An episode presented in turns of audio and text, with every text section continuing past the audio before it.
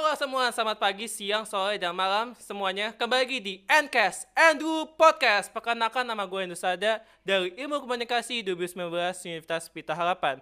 Dan di Ncast kali ini gue akan melakukan episode yang spesial nih guys. Karena gue bakal kedatangan satu bintang tamu yang lumayan cukup spesial. Mungkin uh, langsung aja kita bisa memperkenalkan bintang tamunya kali ya guys. Yaitu adalah Pak Johannes Herisanto.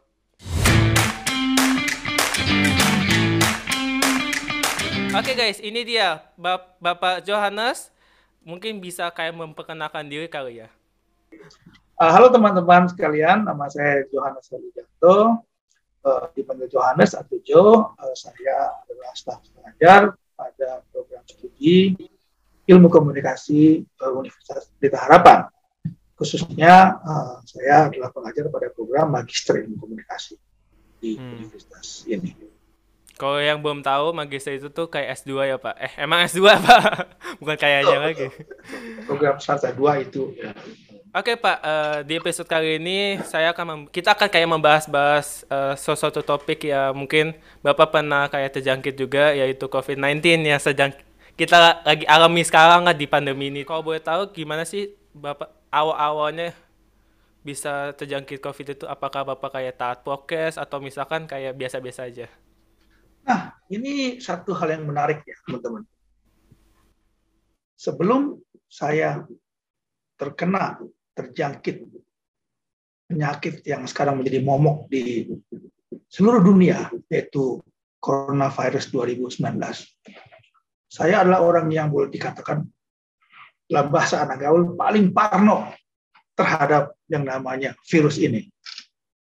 Jadi ini teman-teman uh, mungkin menjadi pelajaran bahwa Parno aja nggak cukup gitu ya. Udah Parno masih tetap dapat. Ke mana-mana saya selalu berbekal alkohol, oke? Okay? Selalu ke mana-mana selalu saya support.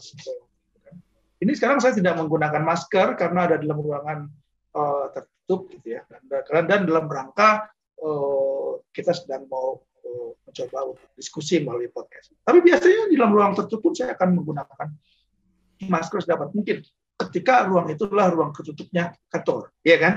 Ruang tertutup uh, yang sebenarnya milik publik, ya. sehingga akhirnya ada satu orang datang uh, dan keluar. Kecuali kalau di rumah ya, di dalam kamar masing-masing gitu, ya, di, di, di ruangan apa di tempat yang sangat privat gitu, itu satu hal yang berbeda. Gitu.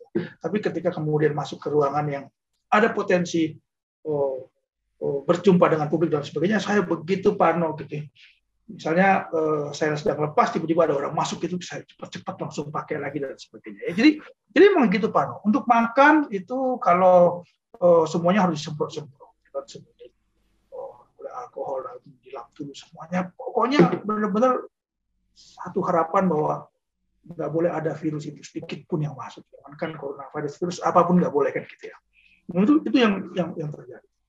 Tidak berani keluar, tidak berani makan uh, makanan di restoran, uh, tidak berani ke, ke, kemudian uh, makan langsung kalau dari makanan yang kemudian uh, beli dengan uh, titip ya apa namanya sih uh, apa uh, pokoknya makanan yang kemudian uh, dikirim gitu diantar gitu ya tetap harus disemprot-semprot semuanya. Jadi prokes sudah jalan dengan baik. Ya. Ternyata uh, yang pertama kali terjangkit adalah uh, salah satu anggota keluarga saya gitu. hmm. yang juga sudah menjalankan prokes dengan baik gitu kan hmm. yang kemudian ketemu dengan keluarga anggota keluarga yang lain gitu kan bukan satu pertemuan yang ramai-ramai pertemuan uh, satu persatu kemudian uh, apa namanya uh,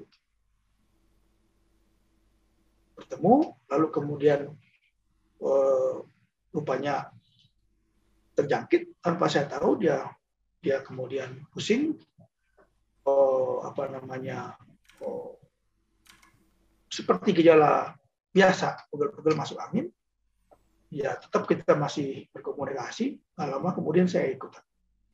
Gitu kan? Ini ini yang kemudian terjadi. Dan saya tidak sadar, saya ingat, saya ingat sekali waktu itu adalah hari Sabtu. Pada saat saya mulai terkena gejalanya itu hari Sabtu. Hmm. Oh, itu tiba-tiba rasanya kok kepala ini kok sakit sekali. Saya masih membimbing uh, tesis. Ya. oh.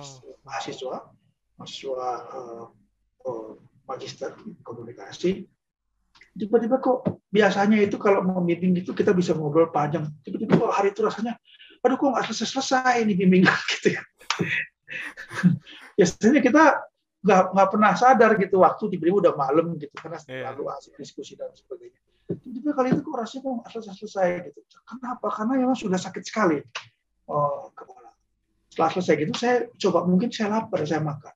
Gitu kemudian ada uh, apa namanya sate yang baru beli sate diantar lalu kemudian kita makan kita panaskan sate kok rasanya nggak enak sate itu rasanya nggak enak ini ini saya pikir ini sakit apa ini saya masih lupa masih lupa bahwa ada penyakit yang yang itu saya pikir ya karena saya biasanya itu selalu menjaga protokol ya mungkin dia nggak akan datang kepada saya saya kira mungkin penyakit biasa lalu kemudian oh, apa namanya sate tidak enak, pusing gitu kan.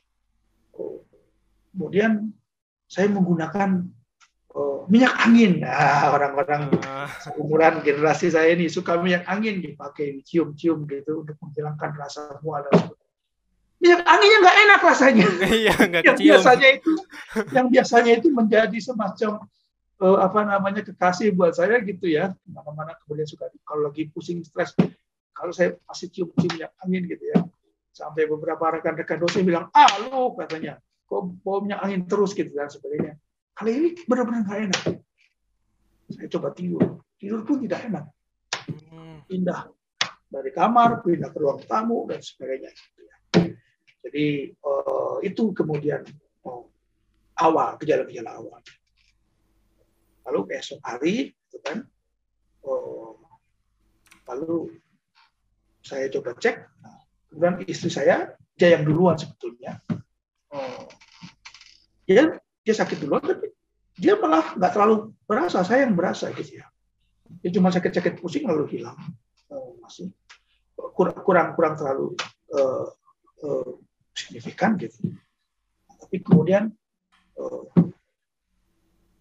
kami nggak tahu masih hari Sabtu hari Minggu hari Senin nah, dia menghubungi orang tuanya yang dengan yang sempat berhubungan itu dengan istri saya adalah kan mertua saya. Hmm. Ibu dari istri. Ibu istri saya itu sampai ke dokter, lalu dites ternyata hasilnya negatif. Hmm. Tidak ada uh, COVID-19. Jadi saya pikir ya mungkin tidak ada hubungan. Saya, saya sudah mulai curiga apakah saya kan baru pergi ketemu dengan ibunya, apakah ini menjadi penyebab gitu kan? Gimana saya? Nah, ternyata nanti oh, karena semakin gejala saya semakin parah, akhirnya saya bilang sama istri saya coba bilang sama uh, mama untuk kemudian dites ulang PCR. Katanya kan negatif pakai antigen. tes yang antigen. Setelah dites PCR positif. Jadi beliau positif, lalu saya langsung tes antigen dan saya positif juga. Antigen sudah positif. Terus Bapak PCR, PCR lagi nggak atau? Uh, saya tidak. Jadi pulang ke rumah, lalu kita pikir kita akan melakukan yang namanya uh, isolasi mandiri. mandiri. beli-beli obat dan sebagainya. Lalu oh, besoknya makin parah. Sehingga rekan uh, apa namanya ibu dekan dari uh, pimpinan saya ini dan kita ini kemudian uh, membantu uh, apa namanya menyarankan dan kemudian juga ikut bahkan ikut menghubungi uh, rumah sakit dan sebagainya. Akhirnya saya dibawa dengan ambulans gitu menuju ke uh, sebuah rumah sakit saya tidak boleh sebutkan nanti nanti kalau sebut iya. namanya yeah. walaupun saya sangat ingin menyebut namanya karena saya berterima kasih sekali dengan uh, apa namanya uh, rumah sakit tersebut. Pelayanannya bagus ya Pak kalau sana ya Pak dia menyelamatkan saya lah gitu ya. Tuhan menyelamatkan melalui uh, rumah sakit dan melalui uh, apa namanya teman-teman uh, tenaga kesehatan di sana gitu ya. Emang para, iya. Emang sih Pak brother ya. Kok uh, aku juga termasuk yang lumayan parno juga, tapi hmm. karena sebenarnya aku kayak biasa aja sekarang karena mama juga nggak ya? begitu. Iya. Oke. Okay. Sebenarnya mama itu nggak begitu ketat juga Pak kayak saya.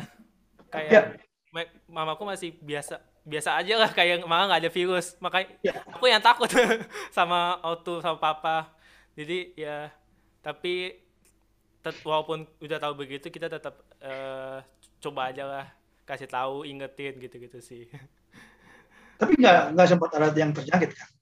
eh waktu itu sih pas awal-awal itu eh, om sama tante saya kan masih ditinggal di rumah satu rumah Iya. tapi di lantai bawah Hmm. itu terkena sih pak tapi untungnya kita sekeluarga yang di atas nggak kena apalagi saya saya kan cukup lumayan kayak sibuk Iya. di kamar doang Ya. jadi masih puji Tuhannya masih eh, negatif pak Memang harus jaga benar-benar eh, khususnya masker ini ya nomor satu.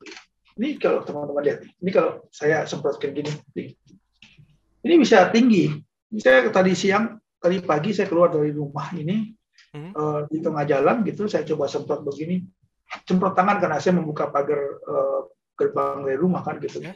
Mungkin ini nggak segini, ini nggak kecil kan, ini bisa tinggi jauh sekali. Gitu.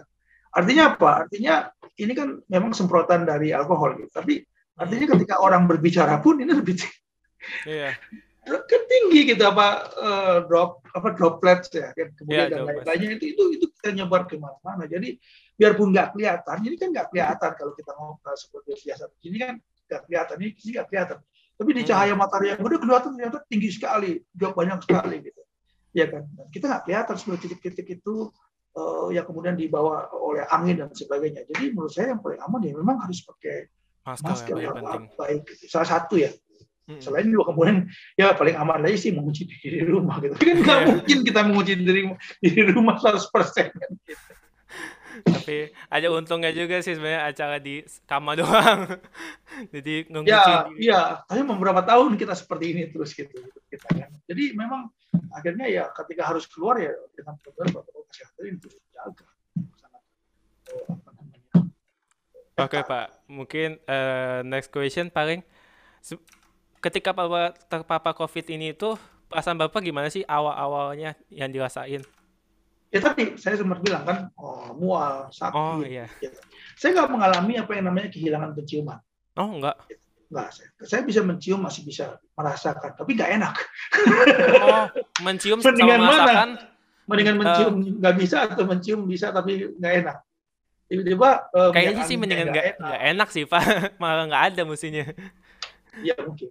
Saya makan mie instan. Teman-teman, eh, sekali lagi tidak saya sebut nama, tapi saya saya pecinta eh, mie instan gitu. Iya. Kemudian instan goreng gitu ya.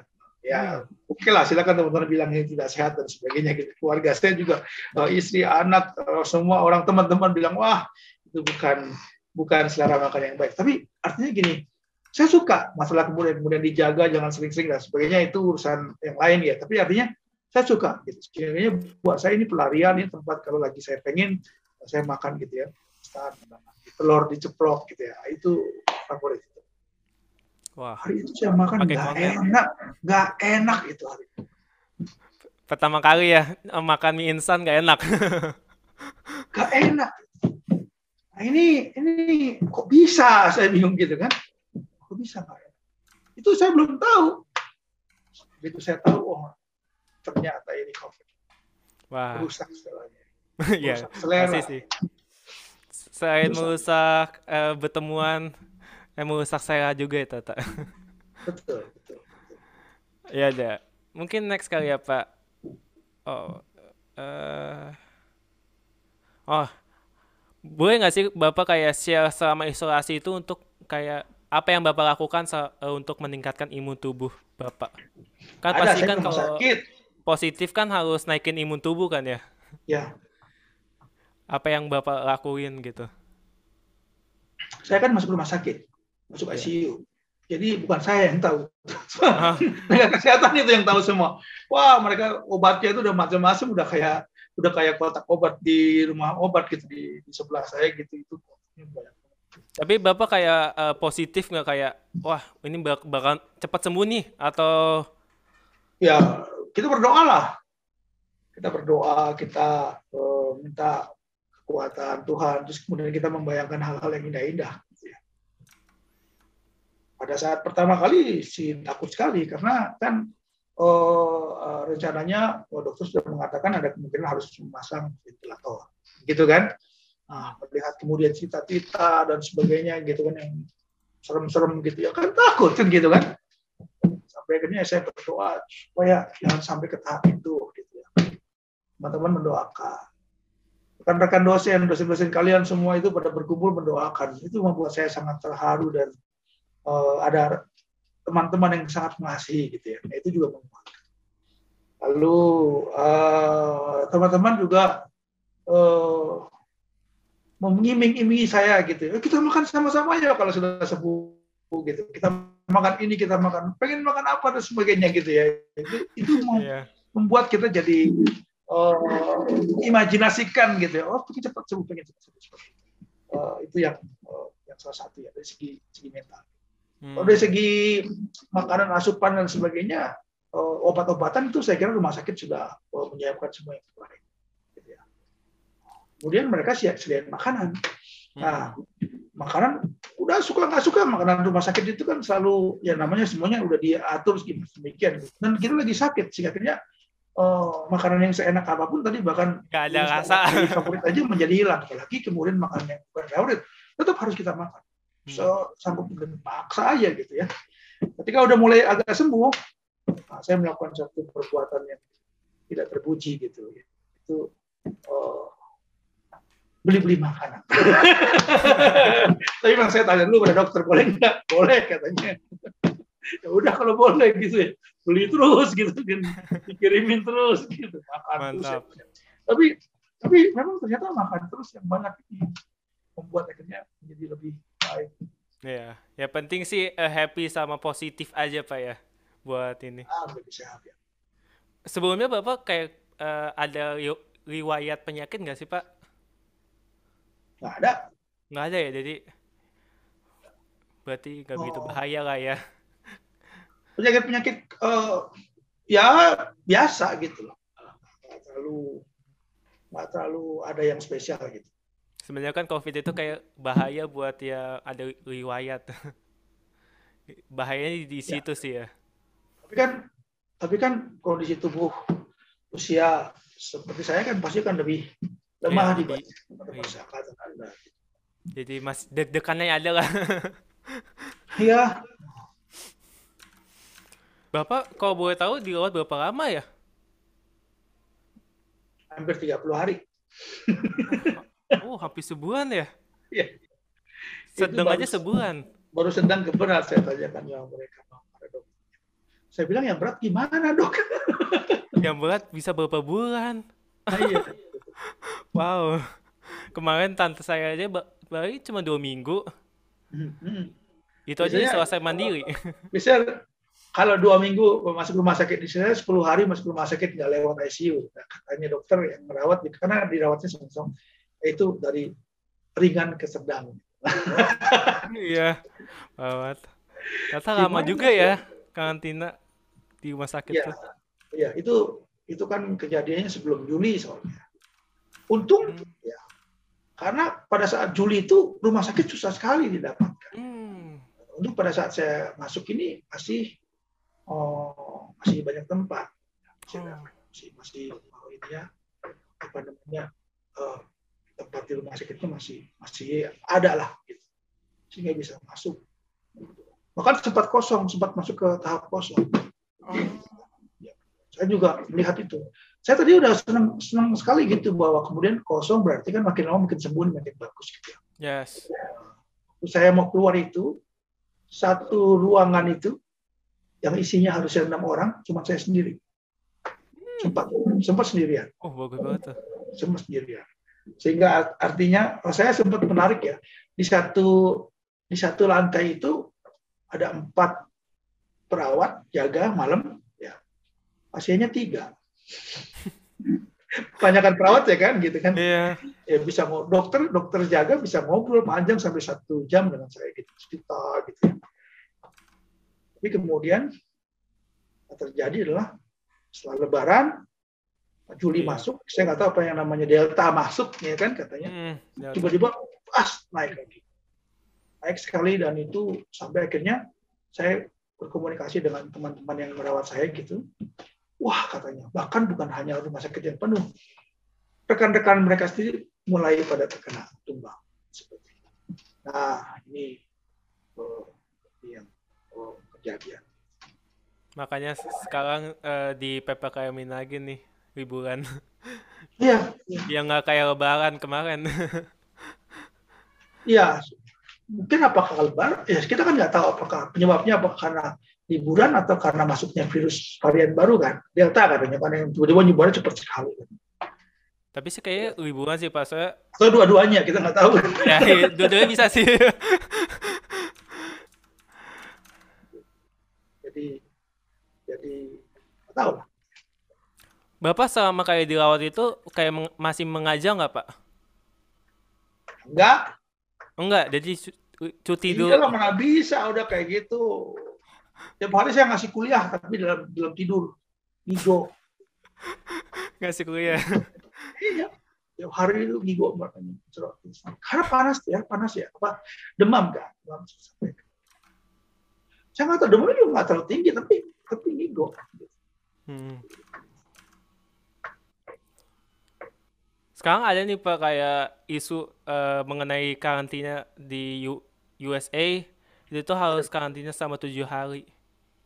Saya nggak dengar, saya dengar katanya ya ini ini ini ini saya belum belum membaca langsung beritanya ya, tapi beberapa teman yang membaca cerita katanya tujuh sepuluh hari nanti di Indonesia. Hmm, lebih lama lagi, iya sih. Nah, berikutnya Pak, apa sih harapan Bapak terhadap virus COVID di Indonesia? Hmm, ya cepat sembuh, cepat hilang. cepat hilang. iya, cepat selesai gitu ya. Walaupun ya ini kan kita nggak tahu itu kayak gimana sampai kapan. Varian baru muncul kemarin sudah oke, okay, kita udah happy kan. Iya. Uh, Indonesia ini menjadi yang salah satu yang terbaik di dunia gitu. Gimana kita nggak bahagia kan gitu.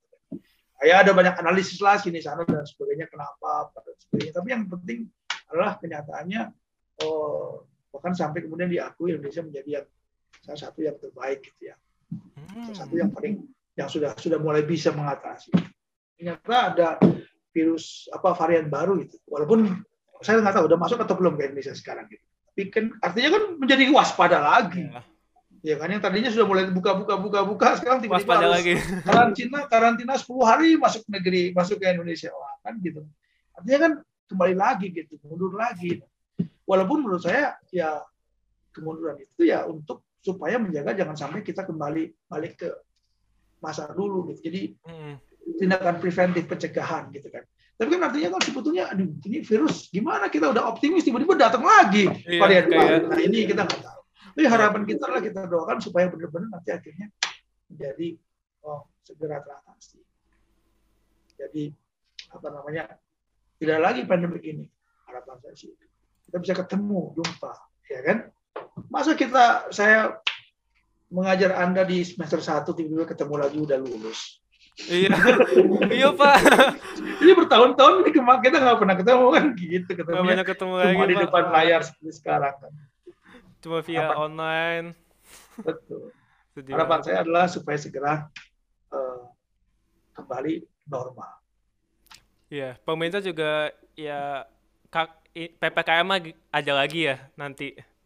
Oh ya tentunya di, di, di menjelang tanggal 20 ya kalau nggak salah. Menjelang tahun baru. Tanggal ya. 15 ke atas kalau nggak salah Pak. Gitu ya. Iya. Nah, menurut saya itu penting, oh, penting untuk dijaga, menekan oh, apa namanya supaya tidak terlalu banyak iya. kerumunan ya. di. Iya biar biar makin stabil lagi soalnya. Saya khawatir karena waktu ppkm itu dilaksanakan, itu saya langsung melihat saya bilang sama istri saya saya bilang sama keluarga saya sama teman kayaknya di Indonesia bisa mengatasi. Nah, ini saya jadi teringat saya mengatakan demikian. Kelihatannya bisa mengatasi firasat firasat. Bukan berdasarkan bukan berdasarkan keilmuan bukan berdasarkan survei gitu kan firasat. Kenapa firasat? Ya kan? saya punya latar belakang antropologi gitu. jadi saya melihat kiri dan kanan dan sebagainya saya bisa melihat perbedaannya ketat sekali. Ketika PPKM diadakan, saya lihat semua orang sudah mulai mengenakan masker. Hmm. Sampai orang-orang yang ada di pinggir jalan, yang jualan-jualan gorengan, yang kemudian apa namanya uh, uh, mengamen di Iya. tengah jalanan yang kemudian apa namanya membantu orang berputar eh, di jalanan sudah mulai menggunakan masker. Saya lihat, saya lihat secara secara firasat saya mengatakan ini kelihatannya bakalan baik, Hmm. gitu kan? Kenapa? Karena orang sudah mulai disiplin. Nah, ini yang terjadi dan betul kan sebetulnya. Walaupun mungkin bisa aja ada analisis lain, ada analisis yang mengatakan oh mungkin kita sudah sampai kepada eh, herd immunity atau dan sebagainya. Nah, saya nggak tahu, tapi jelas pada saat itu saya berpikir kalau memang dilaksanakan dengan baik seperti ini, kemungkinan hasilnya akan bagus. Dan ternyata memang hasilnya bagus dalam pandangan saya, gitu ya. Nah, kalau kemudian ini kendor lagi, kemudian orang menjadi lebih bebas lagi, gitu kan? Eh, ketemu, eh, terbuka, lepas masker. Nah, ini kan kita khawatir kembali lagi ke titik yang sebelumnya kan gitu. Jadi memang iya pemerintah menerapkan ppkm lagi menurut saya ini bagus, bagus sekali. Ya kita sama-sama inilah sama-sama eh, menahan diri gitu ya. Hmm. Ya walaupun saya sih terus terang saya pengennya Natalan ya pengen jalan gitu kan, iya kan. Hmm. Tapi ya Pengen. kalaupun nanti jalan-jalan dan sebagainya ya mudah-mudahan sih bisa tetap mempertahankan menjaga eh, protokol. Ya, Baru. makanya natural lah sebagai manusia liburan akhir tahun ya pengen juga. Tapi ya kalau semua orang akhirnya naik lagi eh, berlibur dan sebagainya bebas lagi ya ngeri. Ya kan? Gitu. Kira-kira Bapak ada pesan nggak sih mungkin buat orang-orang yang sedang terpapar COVID? Yang sedang- terpapar yang sedang ter- Iya. terpapar ya. Kita berdoa supaya teman-teman bisa melaluinya dengan eh, baik gitu ya dan kemudian teman semua pulih ya pulihkan kembali Eh, tetap eh, tetap berdoa percaya berpikir positif eh, memiliki harapan imajinasi gitu kan. Untuk kemudian eh, apa namanya menghayalkan sesuatu yang indah-indah gitu. Itu ya pengalaman saya gitu. Apa kemudian ini bisa membantu lagi gitu. Supaya kemudian kita punya semangat untuk akhir eh, akhirnya kita bisa. Memang buat yang sampai parah saya aja tuh saya masuk di ICU cukup lama gitu ya. Eh, kemudian di rumah sakit cukup lama. Itu ternyata saya tanya sama dokter dokter bilang baru masuk ke tahap yang sedang. Hmm. sedang ke berat gitu. gimana yang berat gitu. Jadi memang saya paham gitu ya. Kalau yang sedang dan berat tadi bisa bisa eh, bisa lama banget gitu ya. Bisa sampai kemudian saya merasa jadi kayak eh, penghuni tetap dari rumah sakit sih suster suster sampai sampai ketemu dia dia lagi ya dia lagi dia lagi gitu kan. Nggak nggak masih bawa masih di sini tuh pak. Coba suster ngomong begitu. Udah lama saya cuti saya pindah pindah tugas ke bagian lain balik lagi masih di sini gitu kan. Wow. itu baru ternyata sedang keberat. Gitu. gimana teman-teman yang berat gitu? Oleh karena itu ya memang bisa dipahami sih kalau emang agak eh, apa merasakan eh, rasa seperti apa. ya jadi eh, ya tetap kita tetap berdoa sih Hmm. Sepertinya sih sudah semua sih Pak eh, dari wawancara hari ini. Terima kasih Pak eh, sudah mau menjadi narasumber saya.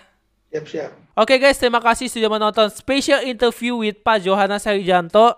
Jika kalian punya requestan tema atau topik ingin gue sampaikan di Ncast Ncast berikutnya, kalian bisa aja langsung klik komen di bawah dan misalkan mau tentang apa nih silakan. Atau enggak DM aja langsung ke IG gue di Endu saja kalian bisa langsung aja eh, request apa pun yang kalian mau. Misalkan tema atau topik atau misalkan special guest kalian juga bisa maka dari itu jangan lupa untuk menonton episode keempat Ncast eh, yang akan tampil minggu depan. Itu akan spesial lagi. Itu akan mendatangkan bintang tamu yang sangat spesial guys. So jangan sampai kelewatan dan dan saya akan berjumpa kalian lagi di next episode. Peace out